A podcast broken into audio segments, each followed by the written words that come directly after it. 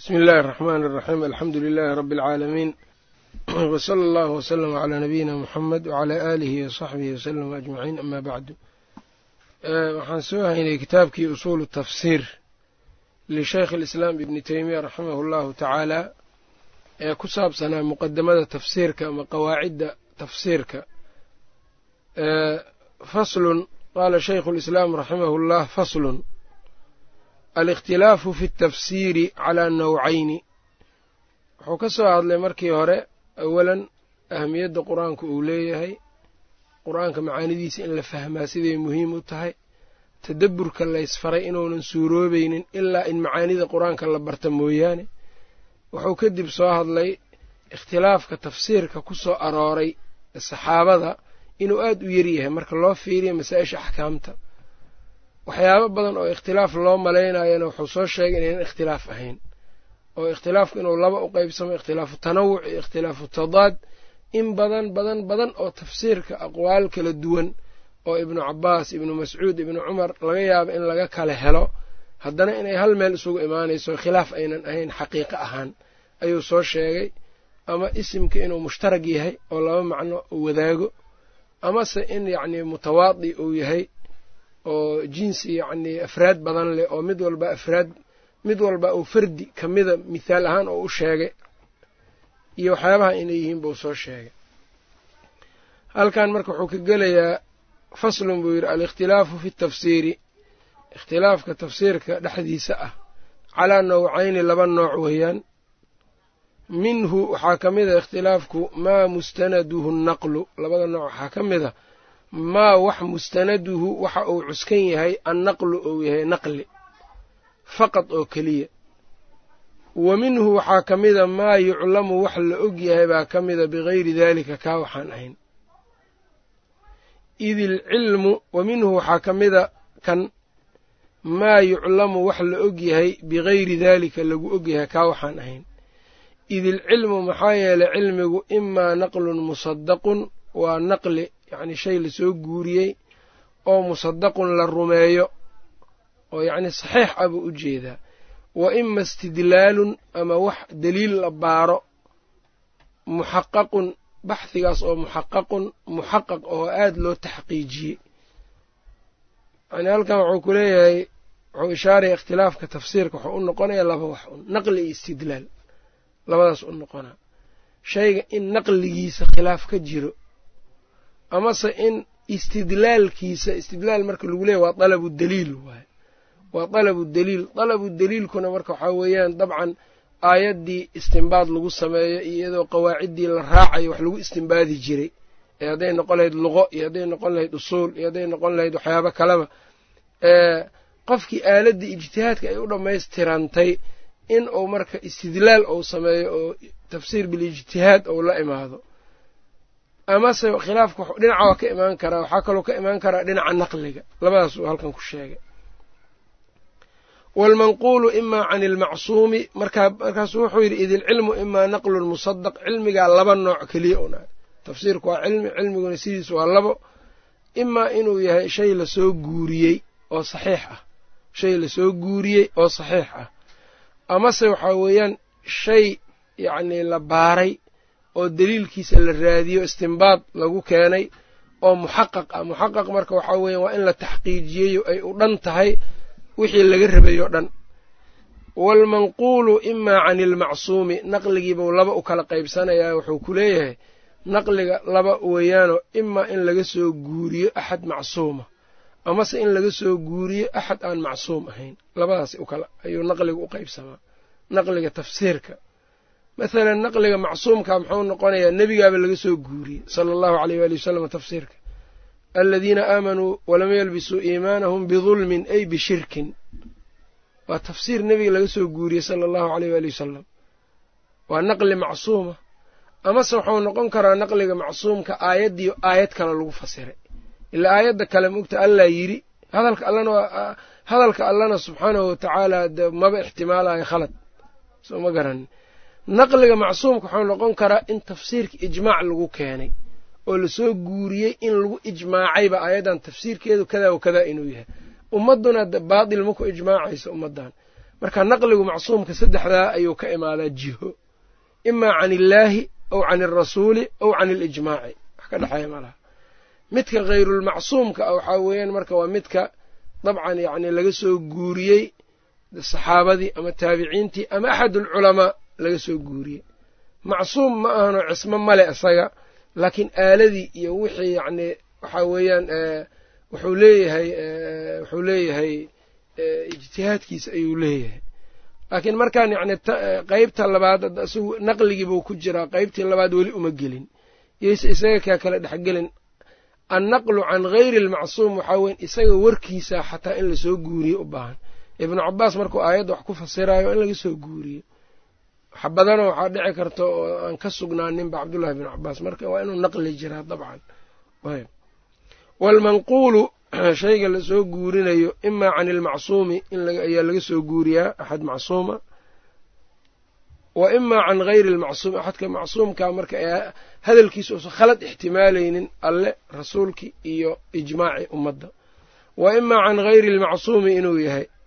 Waalmaqsuudu ulajeedaduna waxa ay tahay bianna jinsa almanquuli shayga la soo naqlinayo jinsigiisa sawaa'un waxaa isku mida kaana can ilmacsuumi inuu yahay kaana inuu ahaanay oo inuu ahaaday huwa shaygaa la soo guurinayo can ilmacsuumi mid yacni axad macsuuma laga soo guuriyey aw hayri ilmacsuumi ama qof aan macsuum ahayn ku laga soo guuriyaba ha ahaade eh taasaa marka maqsuudka waxaa weeyaan shayga manquulkaee la soo guurinayo jinsigiisa jinsi ahaanta naqliga marka la sheegayo waxaa isku mida macsuum in laga soo guuriye iyo hayrulmacsuum in laga soo guuriye maxaa yeele naqligaabay wadaagaan labadoodaba. Oo dhankaas marka waxaad ku daraysaa dhankii naqliga. Ayb labadoo dhankaasay raacayaan. Wa haadaa kanina huwa alawalu waa midka koowaad waa nooca koowaade khilaafka ikhtilaafka. Fa minhu waxaa ka mida marka manquulkii maa yumkinu waxay suurtagal tahay macrifatu saxiixi. Saxiixiisa in la aqoonsado minhu isaga iyo wadaciifi la aqoonsado daciifkii yaa ka mida kaas. Wa minhu waxaa ka mida manquulka maa laa yumkinu waxaynan suurtoobaynin macrifatu daalika saxiixiisa iyo daciifkaas in la ogaado fiihi isaga dhexdiisa. Naqligii haddana laba u kala qeybiyey waxa uu yidhi ama macsuum ha ka yimaado ama hayrulmacsuum ha ka yimaado. Waxaa weeyaan waxaa ka mida wax la garan karo saxiixnimadiisa iyo daciifnimadiisa lakala garan karo iyo wax aan lakala garan karin naqligu labadaas u qaybsamaa yacnii shaygan marka laleeyahy nebigaa laga soo guurinayaa qaala rasuulullahi sal ll ly slam waxaa dhici karta sanadka marka la baaro in la ogaan karo wax la ogaan karo naqligaa waxuu u qaybsamaa wax la ogaan karo sixadiisa iyo dacfigiisa iyo waxaan la ogaa karin sixadiisa iyo dacfigiisa labadaa u kala qaybsa haddana wa haada alqismu qaybtan athaanii ee labaad oo min almanquuli manquulka ka mid ah manquulka qeybtiisa labaad waa qeybtee waa qeybta aan la garanaynin sixadiisa iyo dacfigiisa lakala garanaynin wa huwa maa laa ariiqa lanaa wa huwa kaasi isaga waxaa weeyaan maa laa ariiqa wax dariiq aanu lana annaga uuna noo sugnaanin ila aljasmi yacni aan ku gaarno in la jasmiyo bisidqi la jasmiyo yacnii run minhu isaga yacnii xaggiisa laga jasmiyo waxaanay dariiq lagu gaara aanay jirin. Caamatuhu kaas badankiis mimaa laa faa'idata fiihi. Wuxuu u badan yahay waxaan faa'iidaba ku jirin.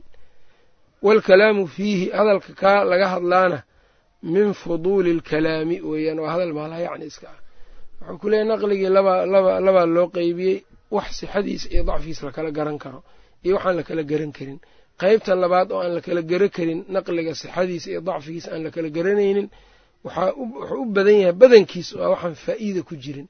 Maxaa yeele hadday faa'iide ku jiri lahayd waa lakala garan lahay sixadiisa iyo yacni isagana kuu mithaalin doono amhila ayuu kugu sheegi doonaa waxyaabaha marka aan la dhihi karin sixadooda iyo dacfigooda aan la kala garanaynin ee naqli ah tafsiirka dhexdiisa ku soo arooro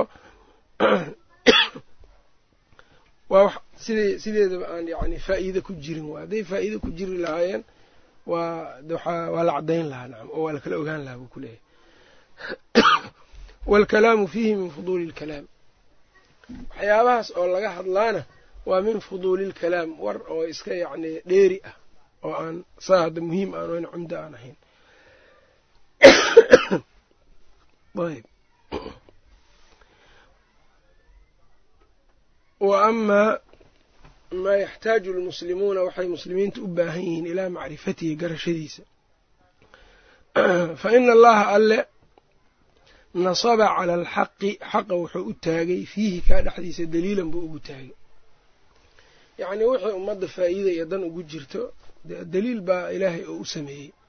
Oo daliil daliilkuna waa wax la garan karo.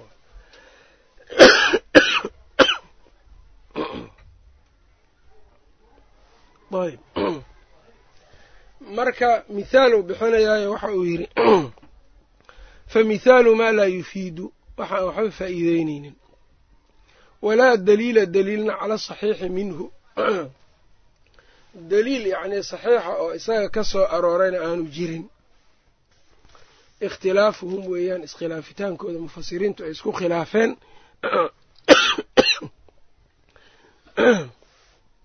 Fii lowni kalbi asxaabi alkahfi asxaabuulkahfi eygoodii midabkiisii. Nacam wax faa'iidaa kuma jiro waana laysku khilaafay.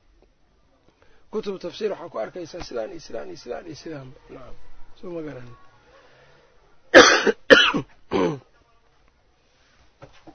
Ayb wax daliila wax faa'iida ayaan ku jirin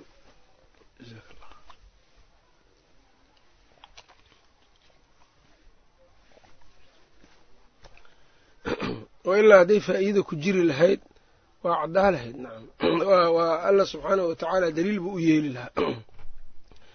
Wa fi lbacdi aladii iyo qeybtii daraba bihi muusaa muuse uu ku dhuftay min albaqarati yacni saca xaggiisa yani qeybtii saca ee uu uga dhuftay yacni ninkii meyidka ah korkiisa uu ku dhuftay qeybtee bay ayay ahayd. Sayn saynta miyay ahayd meel kale may ahayd yacni bacdigaas muxuu ahaana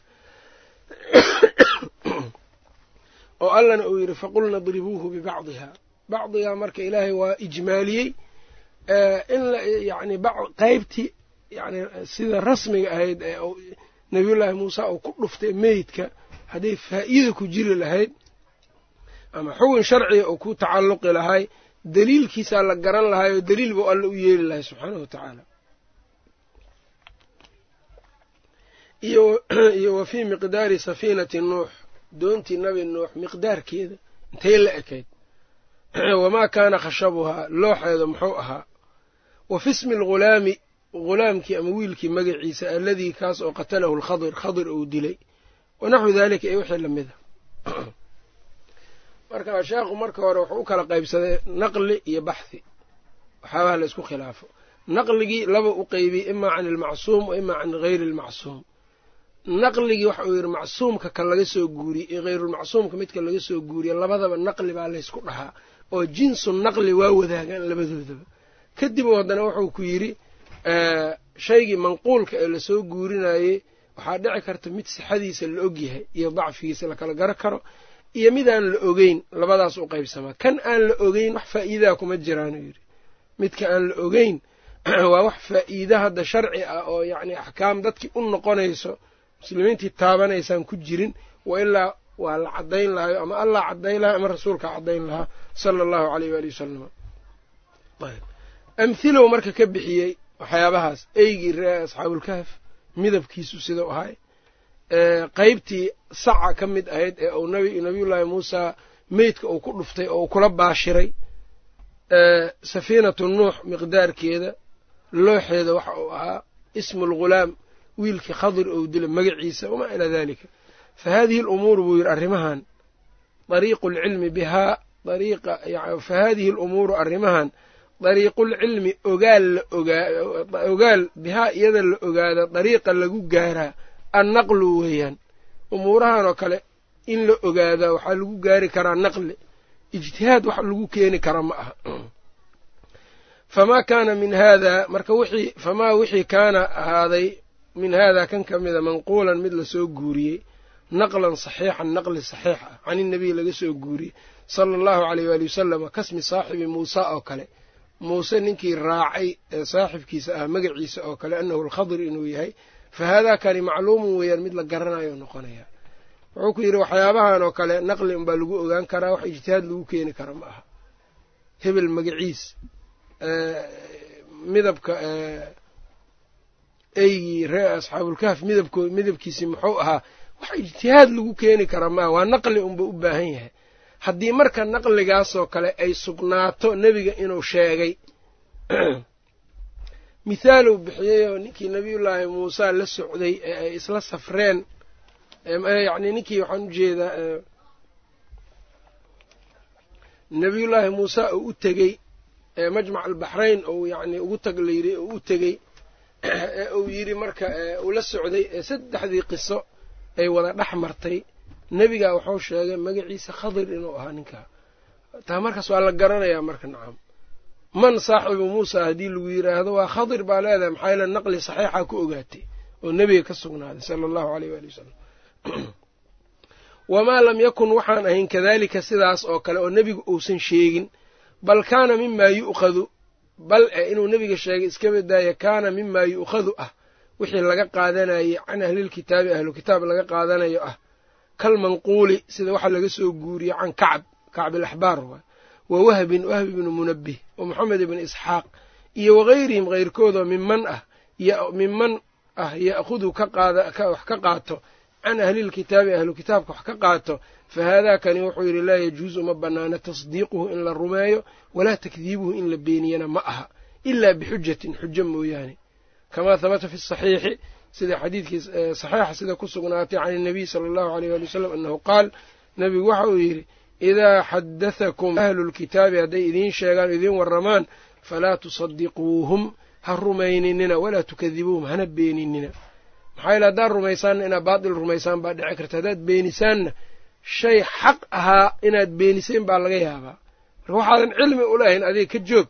Nacam fa imaa an yuxadithuukum inay idiin sheegaan un bixaqin xaq.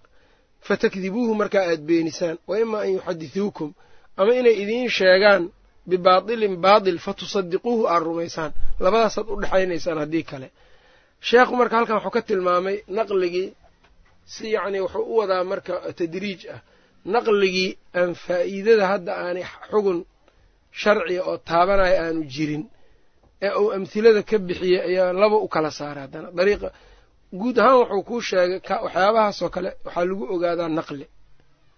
Naqligiibaa marka waxaa dhici karto cidda laga soo guurinayo inay nebiga tahay sala allahu aleyh ali wasalam haddii nebiga laga soo guuriyo waa la raacayaa waa la rumaynayaa waana la ogaanayaa shaygaas sida nebiyullaahi muusa ninkii ay qisada ay dhex martay ee ghulaamkii dilay ee yacnii meeshii markay dhiseen agoontii maalka ugu jiray iyo doontii ninkii jeexay oo nebiyullahi muuse inta ay wada socdeen nebigaa wuxuu tilmaamay inuu khadir ahaa. Marka ninkaas in khadir la yidhaahdo naqli baan ku ogaanay can inabiyi sala allahu aleyh waali wasalam in badan oo ka mida waxyaabahaasna nebiga lagama soo guuriye ahlu kitaaba laga soo guuriyaa waa waxyaabaha la yidhaahdo israa'iiliyaadka la dhaho waa israa'iiliyaadka. Waxyaabaha marka ahlu kitaabka laga soo guuriyo sida kacbil axbaar oo kale tafaasiirta waa ku badanta waa ku arkaysaa sida wahbi ibnu munabih moxamed ibnu isxaaq ama cid uun ka soo guuriso ahlu kitaabka wax ka soo guuriso. Cabdullahi bnu camar ibn alcaas oo kalea ka mid a saaxibu zaamilatayna la yidhaha maalintii yarmuuk laba dembiil oo waaweyn oo wuxuu soo helay waraaqa iyo kutub iyo cilmi uu ka buuxo. Waa soo qaada jire. Marka qaar marka sheeko ahaan u sheegi jira saxaabada ayaga marka markay israa'iiliyaadka werinayan maaha inay cuskadaan inay u werinayaan waa istishhaad iyay u werin jireen ee diin kama dhigan jirin. Dadka qaar baa waxay mooda laga yaaba waxay mooda inay diin ka dhigan jireen sidaas ma aha nacam isti'naas iyo wax ay iska weheshadaan iyo waxay wax kale yacni arrin asal leh inay ku xoojistaan iyo un maahane wax kale uma aynay soo qaadi jirin marka israa'iiliyaadka noocaas oo kale ah marka israa'iiliyaadku gadaalna yacni sheekhu wuu ka keeni doonaa hadda si kore unba u mari doonaa. Waxyaabaha noocaasoo naqliga ahlu kitaabka laga keeno isaga see loola dhaqmayaa saddexaa loo qaybiyaa awalan israa'iiliyaadka shaygii shareecadeenna inay sugtayba wixii shareecadeennu ay sugtay de waxaa weeya waa shay xaq ah markaas oo sharcigeennan aan ka qaadanaynaa shareecadii inay beenisay qisadan waa qisa min alisraa'iiliyaat sharcigii baa beeniyey oo waxaan wax sharcigii ka hor imaanaya sharcigii baa waxuu tilmaamay waxaan inay sax aynan ahayne alla aynan yacni inay alla waxyaabaha ay uga been abuurteen inay ka mid tahay. Taasna iyada de waaba beenba xukunkeedu waa la garanaa. Wixii laakiin sharcigu ounan beeninin sharcigiina ounan u qirin see loola dhaqmaa. Kuwaas waa qaybtan marka sheikha uu sheegayo waxaa loola dhaqmaa inaan la rumaynin lana beeninin. Maxaa yeele haddii aada rumayso waxaan waxaa dhici karto baatil inay yihiin waxyaabihii ay gadaal uga soo dareen diinkooda. Haddii aad beenisana waxaa dhici karta xaqii ile kutubtooda wax iyaga nimankan yacni tabdiilka markay sameeyeen.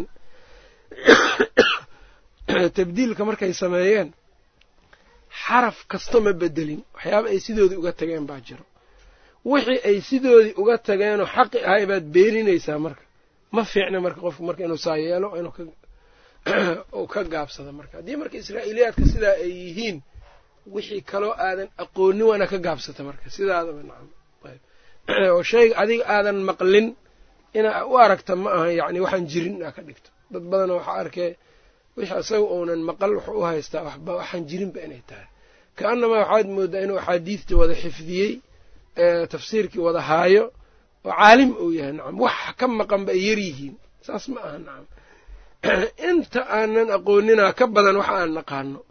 Marka waxa adiga hadday kugu cusub yihiin ma ogi inaad ku gaabsato nacam.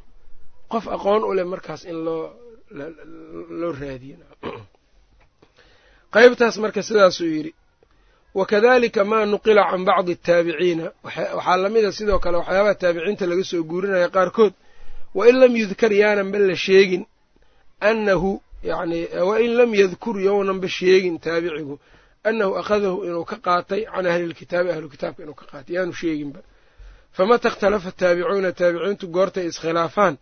Lam yakun ma ahan bacdu aqwaalihim aqwaashooda qaar ka mida xujatan xujo ma ahan calaa bacdin qaarka kale xujo kuma aha.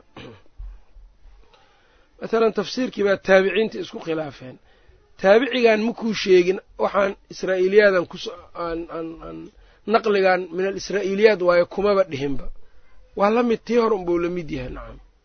Tii yacnii dambo hadda uu sheegay unbuu la mid yahay. Wakadalika sidaadaasoo kale marka mowqifka waxaa lamida yacni israa'iiliyaadka oo la naqliyo.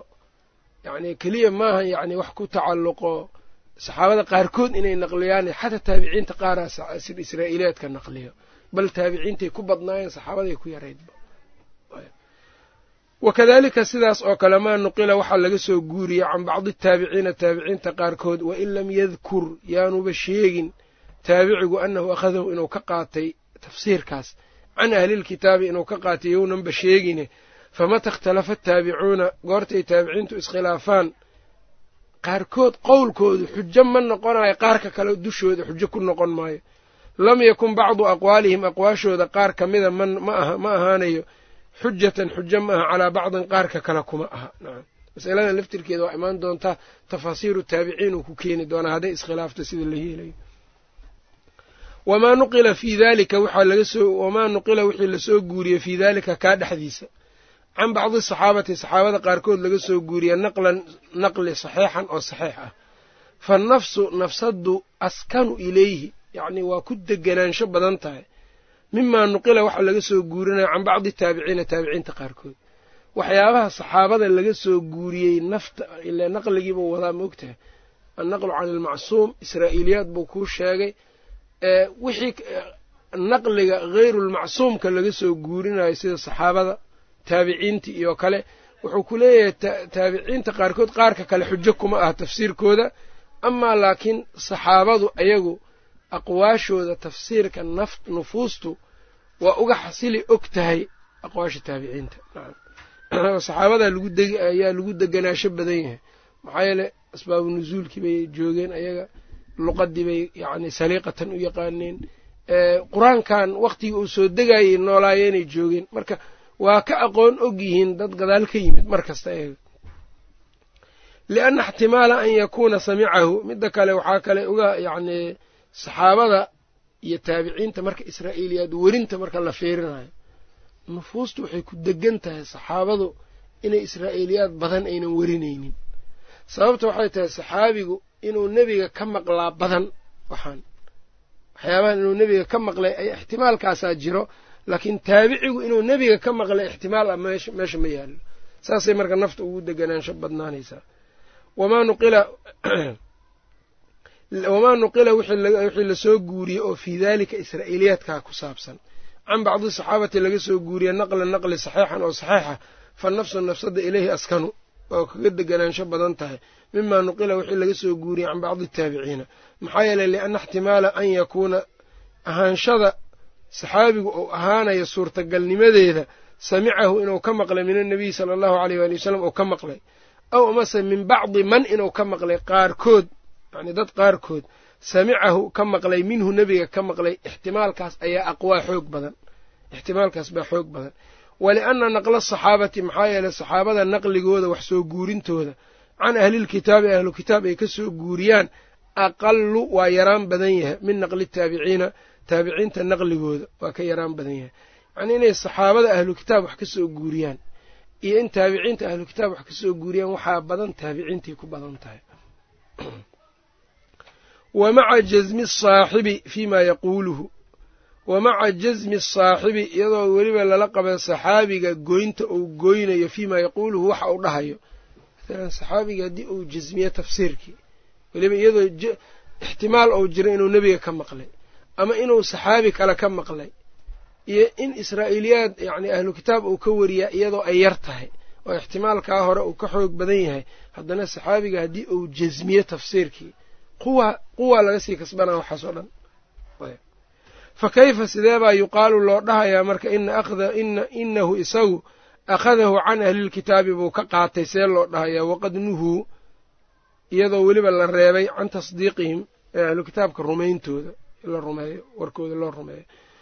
Walmaqsuudu ulajeedada waxay tahay ana midla hada alikhtilaafi ikhtilaafkan oo kale alladii kaas oo laa yuclamu aan la garanaynin saxiixuhu saxiixiisa walaa yufiidu aan faa'iideyneynin walaa yufiidu walaa tufiidu xikaayatu alaqwaali fiihi walaa tufiidu ayna waxba faa'iideyneynin xikaayatu alaqwaali aqwaash aqwaasha xikaayadooda fiihi isaga kan dhexdiisa ku saabsan huwa yacnii ikhtilaafkaasi kalmacrifati limaa yurwaa min alxadiidi aladii laa daliila calaa sixatihi huwa isagu kalmacrifati oo kale weeyaan aqoonsi la aqoonsaday limaa yurwaa waxa la werinayo min alxadiidi ah alladii xadiidkaas oo laa daliila calaa sixatihi sixadiisa aan daliil loo haynin iyo amhaali dalika iyo wixii lamida kaa nacam.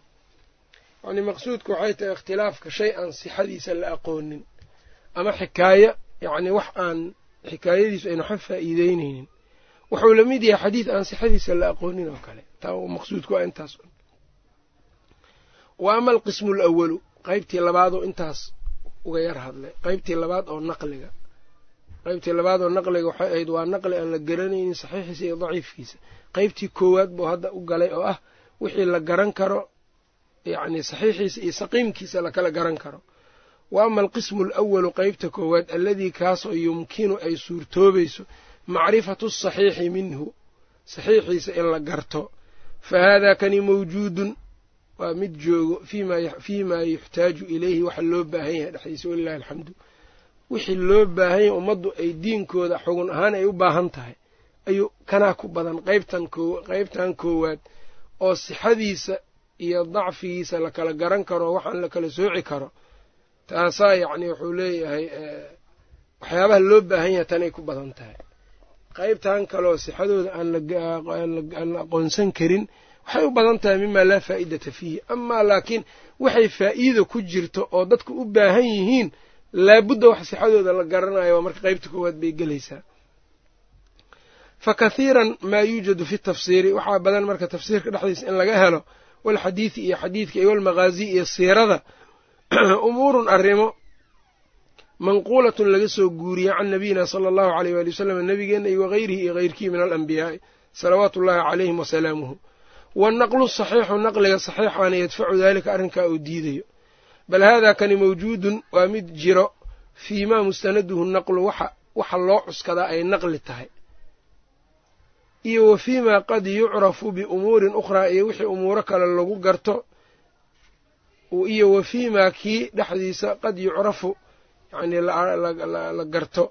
Biumuurin ukhraa arrimo kale lagu garto hayri naqli aan naqli ahayn. Yani halkan sheikhulislaam wuxuu kaga hadlayaa duruqda lagu ogaado yacni shayga manquulka ee la soo guurinayo inuu been yahay inuunan been ahayn. Isagoo dheerna minhaaju sunnahu uga hadlay kitaabkiisa minhaaju sunna ninkii ibnu mudahar ilxilli raafidiga ahay uu ku radinayay sagaalka mujallad ahaa ee minhaaju sunna uu u bixiyey kutubtiisa kutubaha ugu qiimaha badanna ka mida yuu kaga hadlay. Oo waxyaabaha wuxuu sheegay lagu garan karo khabarku inuu kadib inuu yahay been inuu yahay umuuraha loo cuskan karoo lagu garan karo. Juska toddobaad safxada afar boqol soddon iyo toddoba meelahaasuu ku ayaa ku sheegay. Taas unba ad halkan ku ayidaya wuxuu leeyahay qeybtan yacnii waxaa badan tafsiirka iyo xadiidka iyo siirada in laga helo waxyaaba nebiga laga soo guuriyey sala allahu caleyh waali wasalama naqliga saxiixa iyo usuusha naqliguna ay diidayaan oo yacni daciif ah buu ka wadaa. Waxyaaba mawduucaad ama aada daciif u ah in nebiga laga soo guuriyaa dhici karto. Ila nebiga kama sugnaanin markaas oo kale. Nacam tafsiirkii iyo axaadiidtii iyo siiradiina waxyaabahaas dhan in laga helo yaa dhici karto. Weliba tafsiirka iyo wuxuu dhihi doonaa maqaasida waa ku badan tahay. Ayb wannaqlu saxiixu yadfacu dalika naqliga saxiixana arrintaa uu diidayo. Bal hada mawjuudun fima mustanaduhu naqlu. Bal waxaa la arkaa yani waxyaabaha yani ashyaadaa laba kale ah waxna si kale laguma ogaan kara ilaa naqli unbaa lagu ogaan karaa waxyaabana duruq kale iyo waxyaabo kaleo lagu ogaado ayaa jiri karaan waxyaabaha marka naqliga lagu garto oo naqliga lagu ogaado yaa waxaa la arkaa marka bal hada mawjuudun.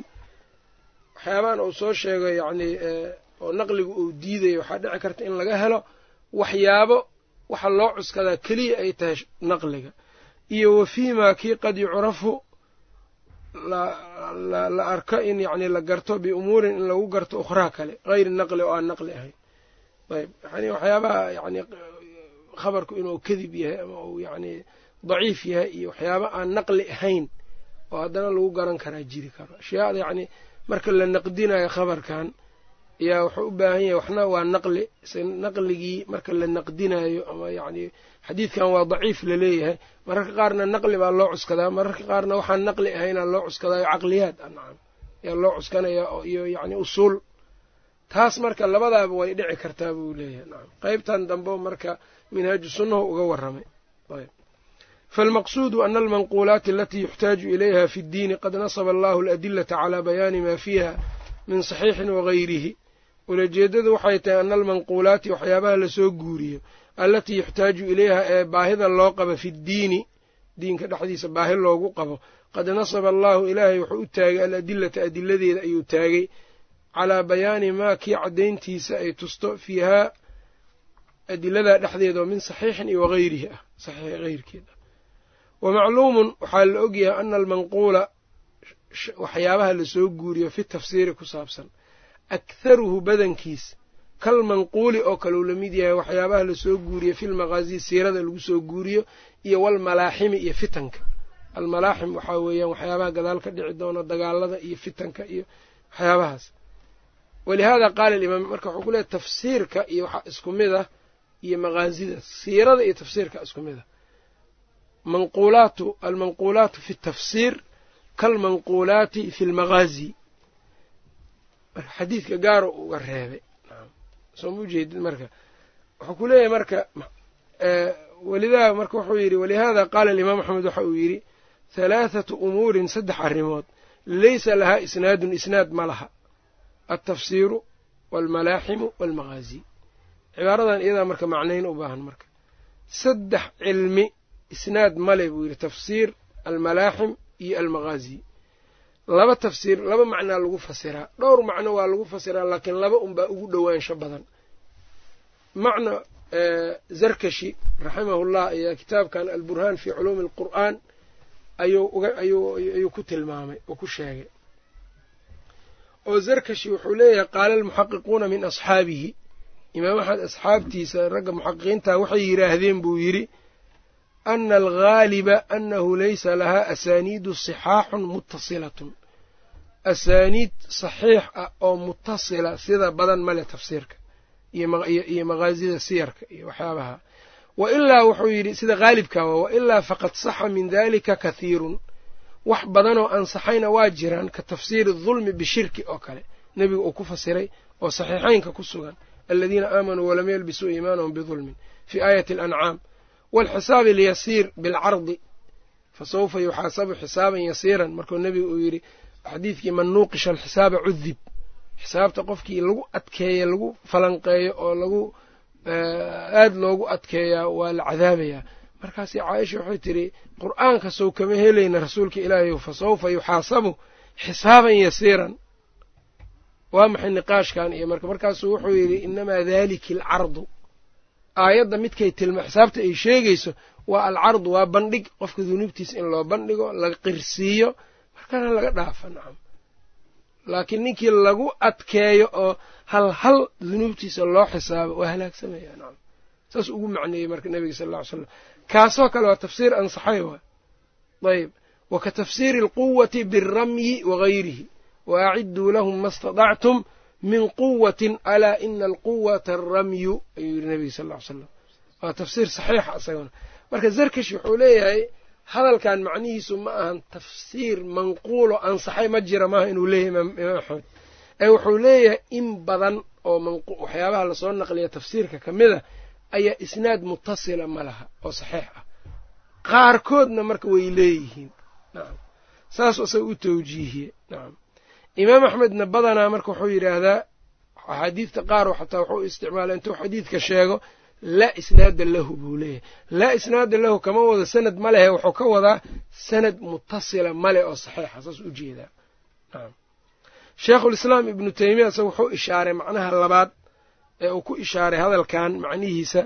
Wuxuu ku ishaaray wuxuu leeyahay yani markuu imaam axmed uu leeyahay halaathatu umuurin laysa lahaa isnaadun ay isnaadun marfuucun u u jeedaa yacni isnaad marfuucoo nebiga loo kor yeelo waa ku yaryahay tafsiirka kanaana fiican in lagu macneeyo weliba maxaa yeele haddaad tafsiirka fiiriso inta marfuuca ah ee nebiga sala allahu aleyh waali wasalam aayaddan xadiidkanuu ku fasira la dhihi karo wax yar waa inta marfuuca ah inta mawquufka aha badan ibnu cabaas iyo mujaahid iyo ibnu mascuud ibnu cumar iyo kuway fasirayaana badan marka wuxuu ka wadaa siiraduna waa noocaas oo kale maraasiisheedaa badan mursalaadka iyo waxyaabaha mursalkaa ku badan ee marfuucu waa ku yaryahay nacam macnaha marka imaam axmed uu ujeedo sidaas weeyaan nacam halaathatu umuurin saddex arrimood leysa lahaa isnaadun isnaad ma laha altafsiiru waalmalaaximu iyo waalmagaazi tafsiirka iyo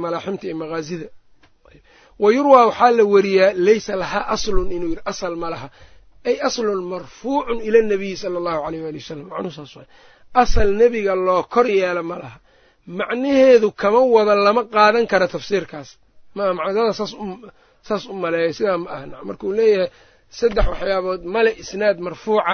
Yacni sideedaba cilmi ahaan aynanba ku badnaynba marfuuca.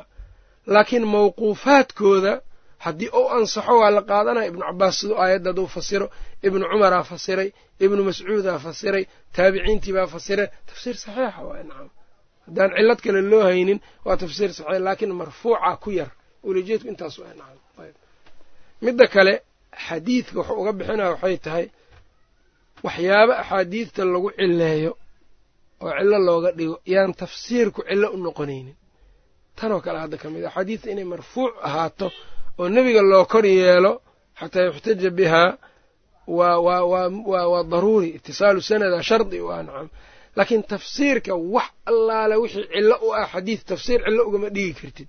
Walidaalika bal waxaa la helaa nin xadiidkii daciif ku ah tafsiirka imaam ku ah la helaa. Nacam. Soo ma garan. Nin waxaa arkaysaa yacni qiraa'aadkii imaam ku ah qiraa'adii xadiidkii daciif ku ah nacam. Haddaad marka tiraahdid kutubulxadiid intaa fiiriso fulaanun daciif khalaas daciif waay oo aadan yacni cilmigii ou hiqada ku ahaay ama yacni aadan u kala fiirsanin. Wax badan baa khaladaad badan baa marka imaanaya. Nacam ayb marka waxaa asaaniid badan oo munqadicaada waxaa jira ibnu cabaas looga wariyey haddana yacni bukhaari oo ictimaadaya arkaysaa. Riwaayata cali bni abi talxa can ibni cabaas oo kale. Tafsiirka ugu badan oo bukhaari ictimaada kaas waaya fii kitaabi tafsiir min saxiixihi. Imaam axmed aa ictimaaday imaamu shaafici aa ictimaado sababta waasidaday og yihiin u dhexayso inqidaaca ku jiro oo cali bn abi talxa ma soo gaarin ibnu cabaas laakiin ninka uu ka qaatayaa la yaqaanaa waa mujaahid. Mar haddii waasidada la aqoodana dhib ma laha. Xadiidka laakiin sidaasoo kale ma yeeli karti waa wa waa ka adag yahay yani xadiidka marka waxyaabaha loo sii rabo. Ay isnaadun ma laha liana alghaaliba maxaa yeele sida liana alghaaliba calayha sida iyada korkeeda ku badan oo haalibka almaraasiilu maraasiil baa ku badanba mursalaadkeeda badan. Mithlu maa yadkuruhu curwatu bnu zubayr waxa uu sheegoo kale washacabiy wazuhriy wa muusa bnu cuqba wabnu isxaaq iyo man bacdahum. Dadkii ka dambeeya iyaga ay sheegaanoo ka yaxya bni saciidin alumawi walwaliid bnu muslim walwaaqidi waa raggii ahlu siyarka kuwan. Wanaxwihim iyo wixii lamida oo oo fi lmaqaazi maqaazida ku saabsan. Fa ina aclama annaasi dadka ugu cilmiga badan bilmaqaaziyi maqaazida ahlulmadiinati weeyaan reer madiinaa dadka siirada ugu badiyo. Culamaau siira marka la sheegaayo siirada cilmigeeda reer madiina ugu haystay. Huma ahlu shaam ayaa ku xigeen. Huma ahlu lciraaq ayaa ku xigeen. Fa ahlu lmadiinati reer madiina aclamu bihaa maqaazida kuwa ugu aqoon badan weeyaan. Lidaalika muusa bnu cuqba reer madiinu ahaa ayb oo siiradiisa aada loo ammaano. Kitaab almaqaazi buu leeyahay iyo rag kaloo badan ayb ibnu isxaaqna sidoo kale isaga laftirkiisa saasoo kale ahaa wahaakada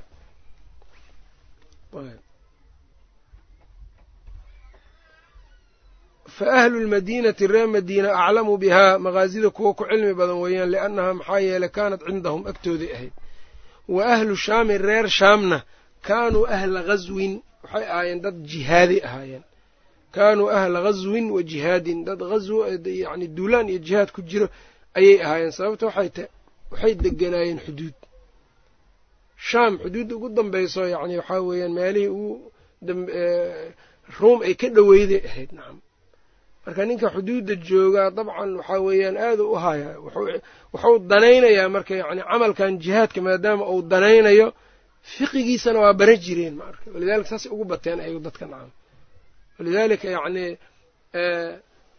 waxaa arkee mathalan qofku ree ree yani wafdi cabdilqays markay nebiga u yimaadeen sala allahu aleyh waali wasalam dadka ugu meel waxay nebiga iyo ayaga waxaa u dhexeeyey kufaaru mudar ayaa u dhexeeyey bilaha ashhurulxurumkaabay nebiga u imaan kareen keliya. Markay u yimaadeen rasuulka ilaahay yacni diinkii wax naga bar dadka naga dambeeyana aan gaarsiino waxyaabaha oo ugu daray waxaa ka mid ahayd wa an tu'adduu khumusa maa hanimtum waxaad haniimaysataan shan meelood oo meel khumuskii ayuu baray sababto ah waxay ahaayeen culamadaas ay leeyihiin dad dagaal ku jiray ahaayeen axkaamtii dagaalkay u baahnaayeen. Reer shaam marka walidaalika maadaama ay ahlu ghaswi huquurta iyo meelaha dhufaysyadana xaggaasay aada uga badnaayeen. Kaanuu ahla ghaswin wa jihaadin bay ahaayeen fa kaana lahum waxaa u sugnaatay iyagoo ay lahaayeen min alcilmi biljihaadi aqoonta ay jihaadka u lahaayeen iyo wasiyari iyo siirada maa leysa ligayrihim wax keyrkood aan u sugnaanin oo aanay lahayn ayay lahaan jireen.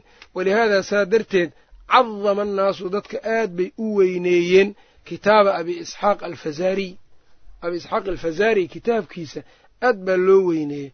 Abu isxaaq alfazari khaliili abu yacla alkhaliili wuxuu leeyahay qaala alxumaydiyu qaala lii ashaaficiyu shaafici baa wuxuu igu yidhi lam yusanif axadun fi siyari mithla kitaabi abi isxaaq siirada wax ka alifay kitaabka abi isxaaq ibnu isxaaq ma aha. Abi isxaaq alfazari wax kitaab sida siirada yani wax sidiisoo kale wax uga alifay ma jira buu yidhi. Wa qaala alcijliyu kaana hiqatan nin hiqaa buu ah saaxibu sunnatin oo saaxibu sunna ah saalixan oo weliba nin saalixna ah. Ayb wahuwa aladii addaba ahla athaqr dadkii dhufayska ku jiray meelahaas masiisa iyo dhulkaas shaam ninkii wuxuu ahaa edbiyey wa callamahum wax baray. Meeshuu wax ku dhex bari jira wa callamahum sunnata sunnadou baray. Wa kaana ya'mur wayanha macruufkuu fari jiray munkarku ka reebi jiray. Waidaa dakhala athaqara rajulun mubtadicun akhrajahu. Qof mubtadica markuu thaqriga uu soo galana waa ka bixi jira nacam waa ka maarmaan moogtaha nacam wa kaana kathiira alxadiidi uu ah nin aad u xadiid badan buu ahaa wa kaana lahu fiqhun fiqina waa lahaa.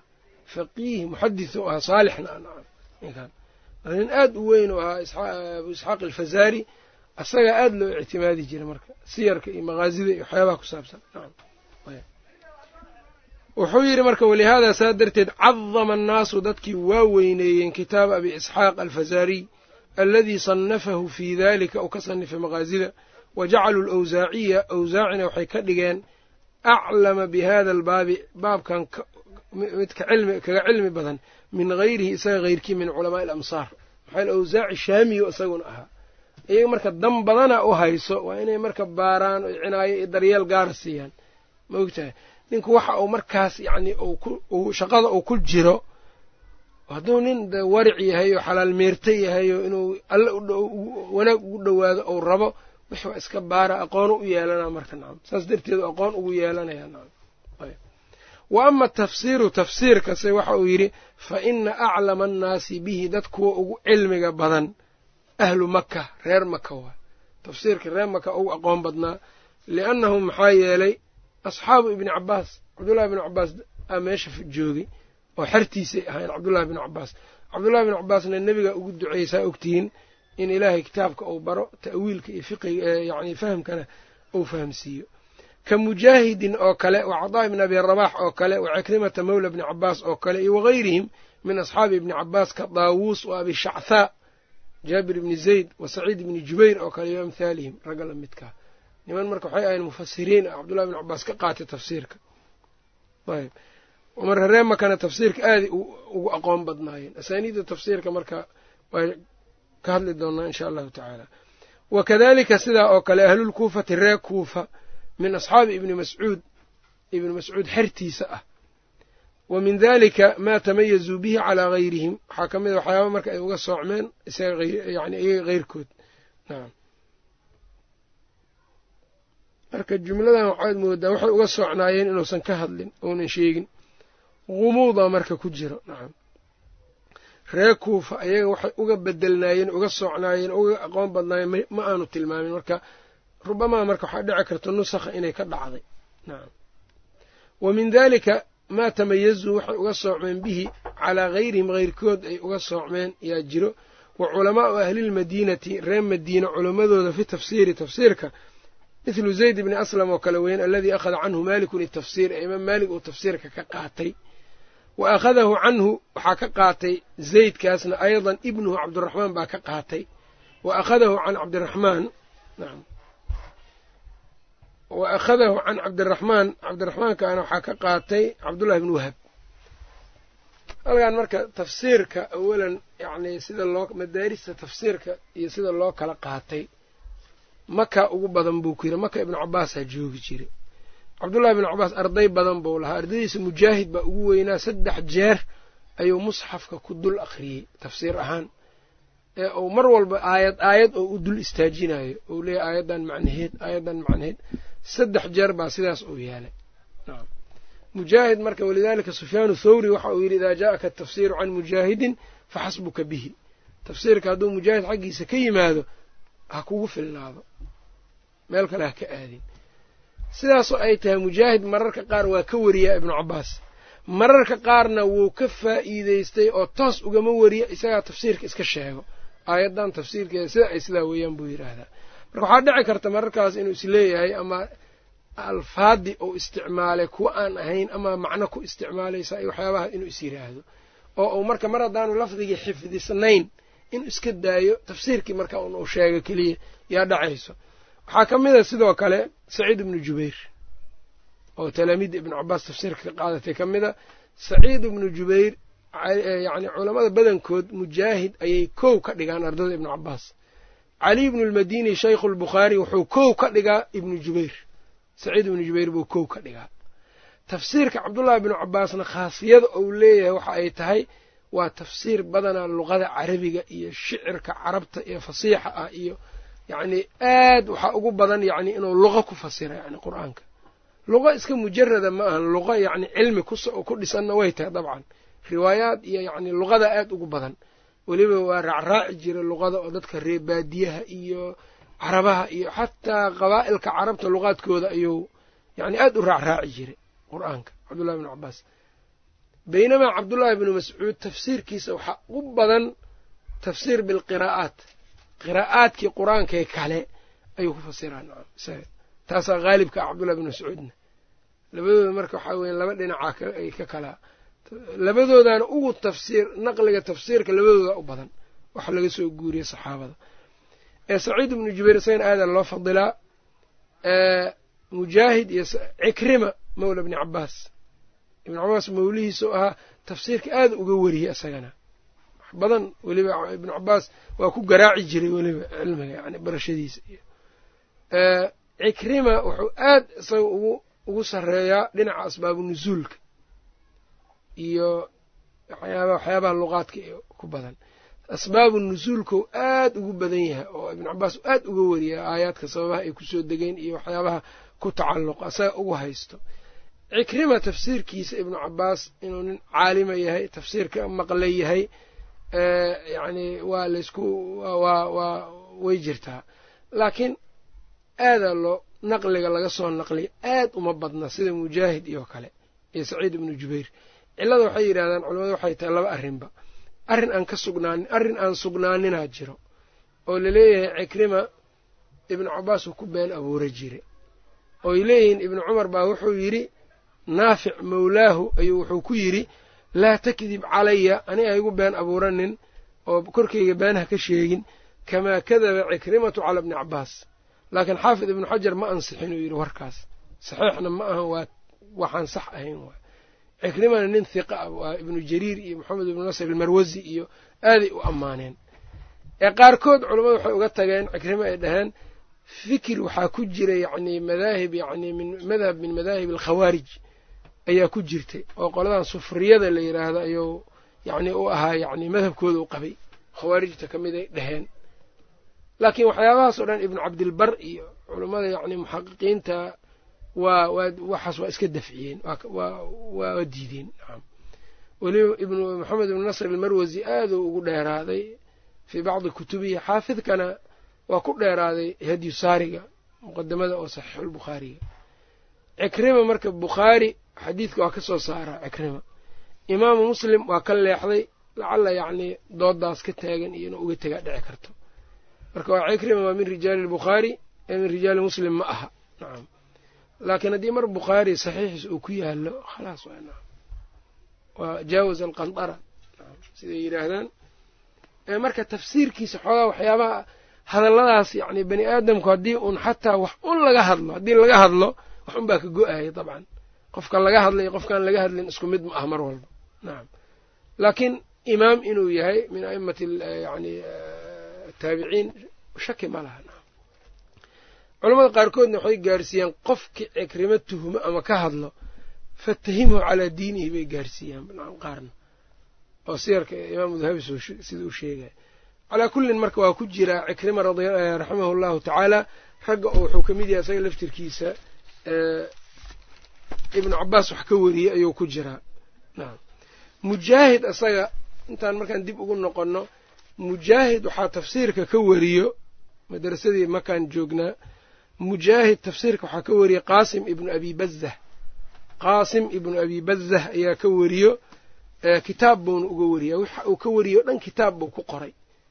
Qaasim ibnu abi bazah aktharu nnaasi marka akhaduu can alqaasim dadkii dambe mujaahid markay wax ka warinayeen qaasimkaasay u maraan qaasim ibn abi bazah nacam tafsiirka mujaahid marka wujuuh fara badan buu ku yimid dariiq ugu asaxsanna waxaa weeyaan ibn abi najiix waxaa ka mid a duruqda ugu yacni dariiq aada loo isticmaalo oo dabarigana ku badan ibnu abi najiix can mujaahid ibnu abi najiix can mujaahid baa ku badan marka ibnu abi najiix toos mujaahid waxba ugama maqal qaasimkan buu maraa. Mar haddii laakiin la ogyahay wax dhibaataa ma laha.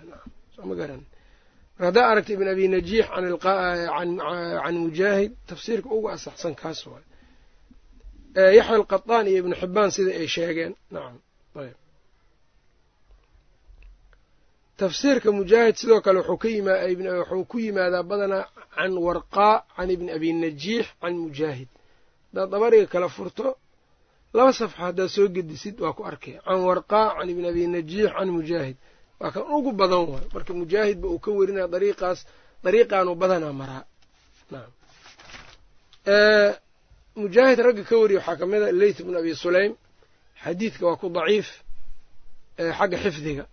Laakiin markuu tafsiirka werinayo kitaabuu ka weriyaa marka xifdigiisaa awal la haystay halkan laakiin kitaab buu isticmaalaya ma marka ciladii uu xadiidka ku lahay halkan kuma laha marka. Bacdi naas waxaa dhici karto waana waa arkaya mararka qaar sanad b sanad ayuu arkayaa can leyth can mujaahid kada leyth ibn abi sulayma ku jira waa daciif buu leeyahy nacam daciif min qibali xifdihi waay laakiin tafsiir marka la joogo kitaabuu isticmaalaa xifdi waxba kama weri xadiidka uu yani uu saa ku yahay nacam waxaa ka mid a cadaa ibnu saa'ib khusayf ibnu cabdiraxmaan waxaa ka mid a ibnu cuyayna wax yaruu ka weriyaa laakiin waasida ayuu badanaa ayaa jirta dhexdooda.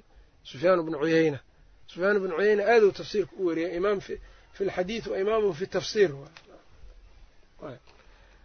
riwaayaadka sidoo kale ibnu cabaas waxaa ka mid a saciid ibnu mujaahid halkaa uga bax saciid ibnu jubayr soo qabso. Saciid ibnu jubayr sidaan sheegnay ibnulmadini isagoo hormarin jiray oo uu mujaahidba ka hormarin jiray. Saciid ibnu jubayr uu ka hormarin jiray saciid ibnu jubayr khaasiyada uu leeyahay haddaa aanan sheegin waxaa ka mid a riwaayaadka ibnu cabaas laga wariyo ee israa'iiliyaadka a badana isagaa wariyo. Marka khaas waxau ku yahay isaga waxuu gaar ku sii yahay riwaayaadka israa'iiliyaadka ibnu cabaas badanaa ninka ka wariyaa waa asaga saciid ibnu jubayr waa.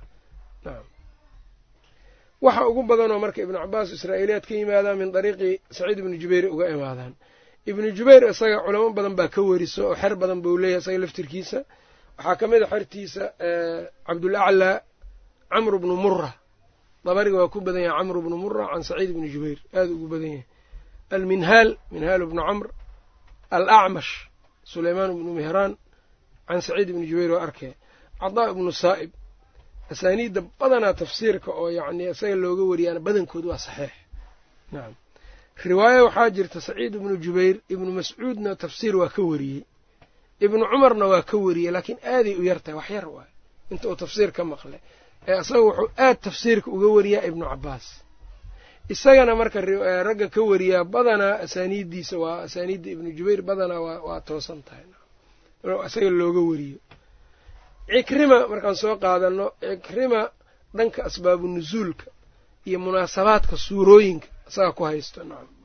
Ayb. Aaduu yacni cinaayo gaar ayuu siiyey. Aqwaasha cikrima badanaa oo wax ku fasirana akharuhaa ibnu cabaas ibnu cabaas uu ka wariyaa. Ee mararka qaar ayuunan sheegin can ibni cabaas aanu dhehayninba oo ibnu abi xaatim ayaa wuxuu wariyey tafsiirka ku wariyey can simaak qaala qaala cikrima kullu shayin wax kasto uxadidukum yacni shay kastoon idiin sheego fi lqur'aani qur'aanka aan idinkaga sheego fa huwa can ibni cabaas ibnu cabaas un baan ka maqlaa duruqda looga wariyo cikrima cikrima ragga ka wariyo yaziid annaxwi moxamed ibni abi moxamed mawla zayd ibni thaabit moxamed ibni abi moxamed mawla zayd ibni thaabit yaa ka mida dariiqaanaana ugu badan moxamed ibni abi moxamed mawla zayd ibni thaabit can cikrima kaasa aada u badan. Ruwaadda cabdullaahi bn cabaas inta ugu waaweyn intaas weeyaan daawuus ayaa soo raaca dabcan iyo cadaa ibn abi rabax iyo darsiyada dambaan insha allahu tacala kuwaas ku dhammaystiri doonaa ibnu siriin laftirkiisa ibnu cabaas waa ka wariyaa laakinahu lam yasmac oo waasida ayaa u dhexayso cikrimo u maraa. Maxamed ibni siriin markuu ibnu cabaas wax ka warinayo tafsiir cikrimo u maraa nacam ilaa anahu yusqid waa ridaa badana cikrima. Marka waxaa kaloo iyadana jirta riwaayat cali bni abi talxa can ibni cabaas waa yani imaamu lbukhaari kitaabu tafsiirka alfaadda qur'aanka fasiraadooda markuu ibnu cabaas raba inuu ka sheego uu ka wariyo riwaayada cali bni abi dalxa oo isaga qaatay bukhaari badanaa riwaayata cali bni abi dalxa can ibni cabaas taasaa u badan.